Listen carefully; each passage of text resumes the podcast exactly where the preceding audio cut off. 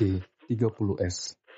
Gerakan 30 Sep Eh, bukan. G30S, Gaung 30 September Podcast Sejarah Indonesia Dimulai dari hari ini sampai 30 hari ke depan Kalian bakal dengerin episode spesial dari kami Penasaran kan? Pokoknya dengerin deh Podcast Sejarah Indonesia dalam G30S adalah Udah, Halo, kita ketemu lagi di Poseidon, podcast sejarah Indonesia. Masih bareng saya, Saifuddin Alif. Di podcast kali ini saya mau bahas soal yang lagi rame ya, akhir-akhir ini. Tapi sebenarnya ya nggak cuma akhir-akhir ini sih. Udah ya mungkin beberapa tahun terakhir sudah menjadi perbincangan lah masalah ini. Cuma beberapa minggu kemarin kan Menteri kita, Menteri BUMN kita, Pak Erick Thohir, ini menyoroti beberapa BUMN yang terus merugi dan gak jelas nasibnya dan mau dibubarkan gitu kan. Ya itulah yang mau kita bahas yaitu soal BUMN. BUMN ini kan garda terdepan sebetulnya dalam perekonomian negara Indonesia, negara kita. Cuma ya kinerjanya masih banyak yang disorot lah. Karena ya kurang baik kinerjanya. Banyak yang merugi gitu kan. Mungkin kita awali em, podcast kali ini dari sejarah bagaimana BUMN itu terbentuk. Jadi BUMN atau Badan Usaha Milik Negara ini dulu dikenal namanya sebagai perusahaan negara atau PN ya namanya perusahaan negara ya pasti dimiliki oleh negara baik sepenuhnya sebagian besar maupun sebagian kecil dan pemerintah itu memberi kontrol terhadap BUMN ini.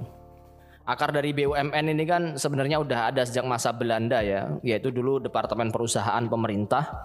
Departemen ini mengelola usaha-usaha yang sifatnya monopoli atau hanya ada pem- satu pemain di situ. Kayak misalkan industri opium, industri gula, industri pegadaian, industri pos, telegraf, telepon, kereta api, dan yang lain-lain.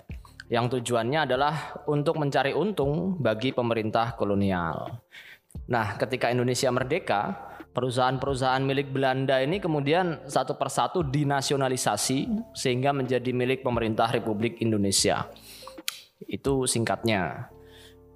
Awalnya BUMN ini ada di bawah kontrol dari Kementerian Keuangan.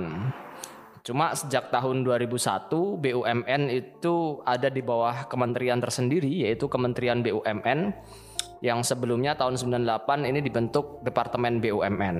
Ya itulah sejarah singkat dari BUMN ya. Sekarang coba kita lihat apa sih tujuan dari BUMN ini, tujuan peran dan fungsi dari BUMN.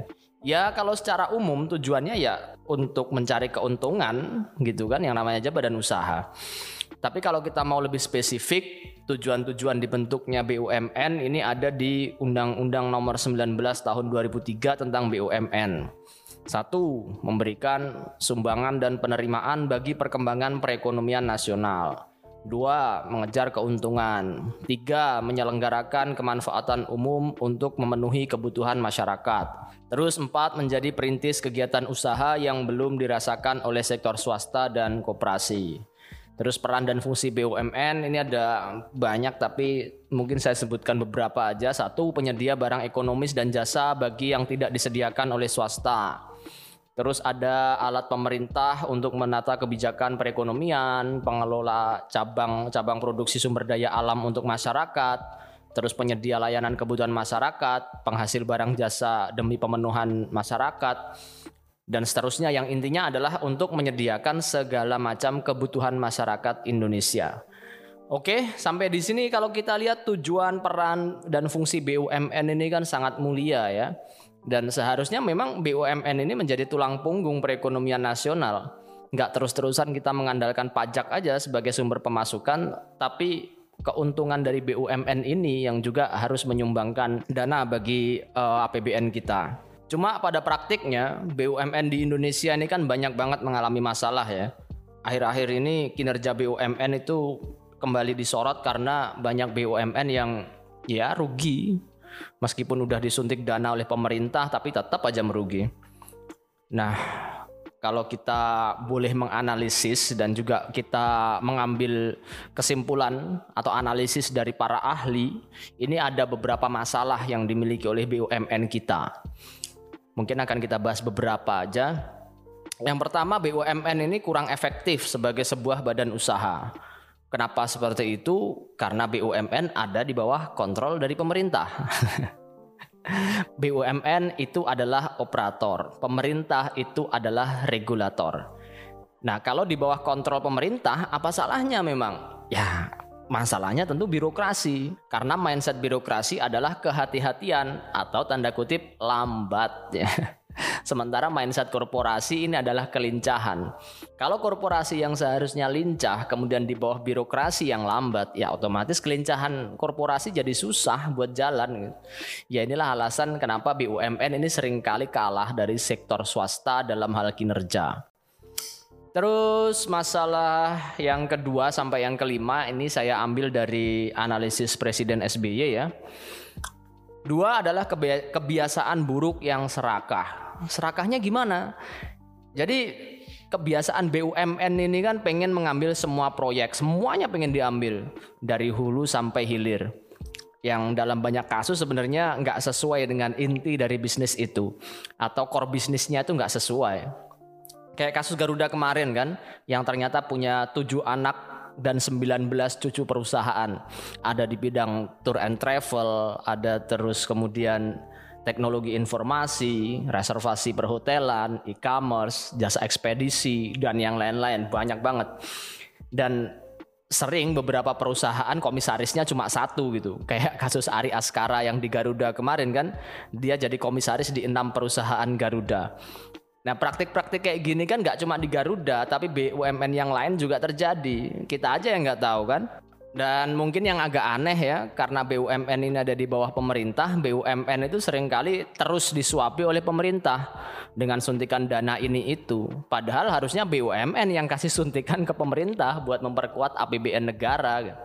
Uh, ya kalau kita bilang ya mbok iya yang kalau bukan core bisnisnya itu diserahkan ke swasta aja lah. Kalau semua disikat sama BUMN terus swasta dapat apa gitu kan. Ini kan yang sering dikeluhkan oleh para ya pemilik usaha di bidang swasta ini di sektor swasta ya. Padahal sering kali pengelolaan swasta ini lebih menguntungkan dari dari BUMN buat rakyat ya. Terus yang ketiga, ini BUMN sering dijadikan sebagai sapi perah. Gimana maksudnya? Jadi BUMN itu sering banget dijadikan alat untuk mendapatkan uang bagi segelintir pejabat dan politikus yang nakal. Bisa dengan memainkan proyek, bisa dengan memasukkan orang-orang dekat ke perusahaan, dan yang lain-lain lah. Banyak modus-modus yang mereka lakukan. Sering kan kita melihat orang-orang yang ditempatkan sebagai komisaris BUMN, padahal dia nggak ngerti nggak ngerti-ngerti amat soal BUMN yang dia kelola. Maka nggak heran kalau posisi komisaris BUMN ini dicurigai ya dicurigai oleh rakyat sebagai posisi hadiah bagi pendukung dan pembela rezim. Ya rakyat cuma bisa curiga aja, nggak bisa berbuat apa-apa juga. Pengangkatannya juga legal mau apa kan? Terus yang keempat, BUMN ini sering dijadikan bancaan atau makanan rebutan bagi pejabat dan politikus nakal ya. Mereka ini kan pengen banget dapat keuntungan pribadi melalui atau dalam kegiatan BUMN. Ya, ya itu sudah sering kita lihat lah. Modusnya juga macam-macam yang mereka lakukan. Terus yang kelima dan keenam ini mungkin akan saya ambil dari kritiknya Pak Tantri Abeng ya, salah satu inisiator Departemen BUMN tahun 1998. Yang kelima adalah pengawasan yang lemah. Jadi menurut Pak Tandri Abeng, ini BUMN itu sering kali bergantung pada audit BPK. Padahal kalau BPK udah bersuara, itu tandanya kerugian BUMN udah berat. Jadi pertanyaan kita kan kenapa nggak dari awal pengawasan itu diperketat sehingga nggak sampai berat gitu kan? Ya itu mungkin berkaitan dengan alasan ketiga dan keempat tadi soal BUMN yang sering dijadikan sapi perah dan jadikan bancaan tadi. Kemudian yang terakhir itu adalah mindset yang keliru dan masih mengakar di segenap direksi dan karyawan dari BUMN. Apa itu? Pola pikir yang birokratis dan monopolis. Padahal mindset dari badan usaha itu kan bersaing bukan bukan monopolis dan birokratis gitu ya. Kalau birokrat kan mindsetnya di zona nyaman. Nah mindset ini yang masih menjadi mindset di BUMN, di banyak BUMN ya, mungkin nggak semua, tapi masih banyak lah yang memiliki mindset kayak begitu. Mindsetnya ini kan masih mindset kolonial kalau kita lihat kayak begitu kan, di mana rakyat itu dianggap sebagai pasar aja, bukan sebagai aset. BUMN yang keren itu kan kalau dia bersaing di tataran internasional, pasarnya adalah rakyat negara lain. Dijual mahalnya ke negara lain, bukan dijual mahal ke rakyat sendiri. kan gitu harusnya.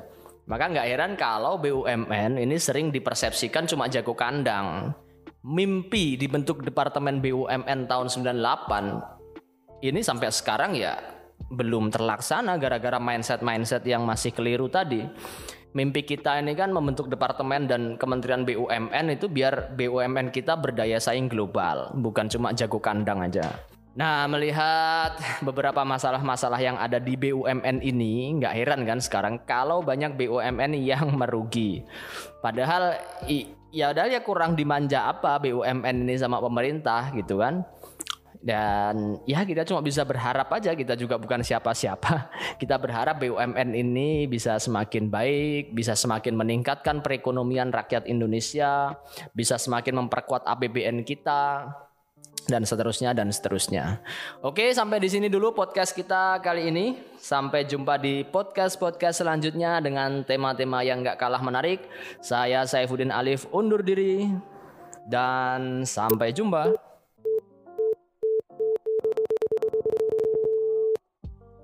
Terima kasih.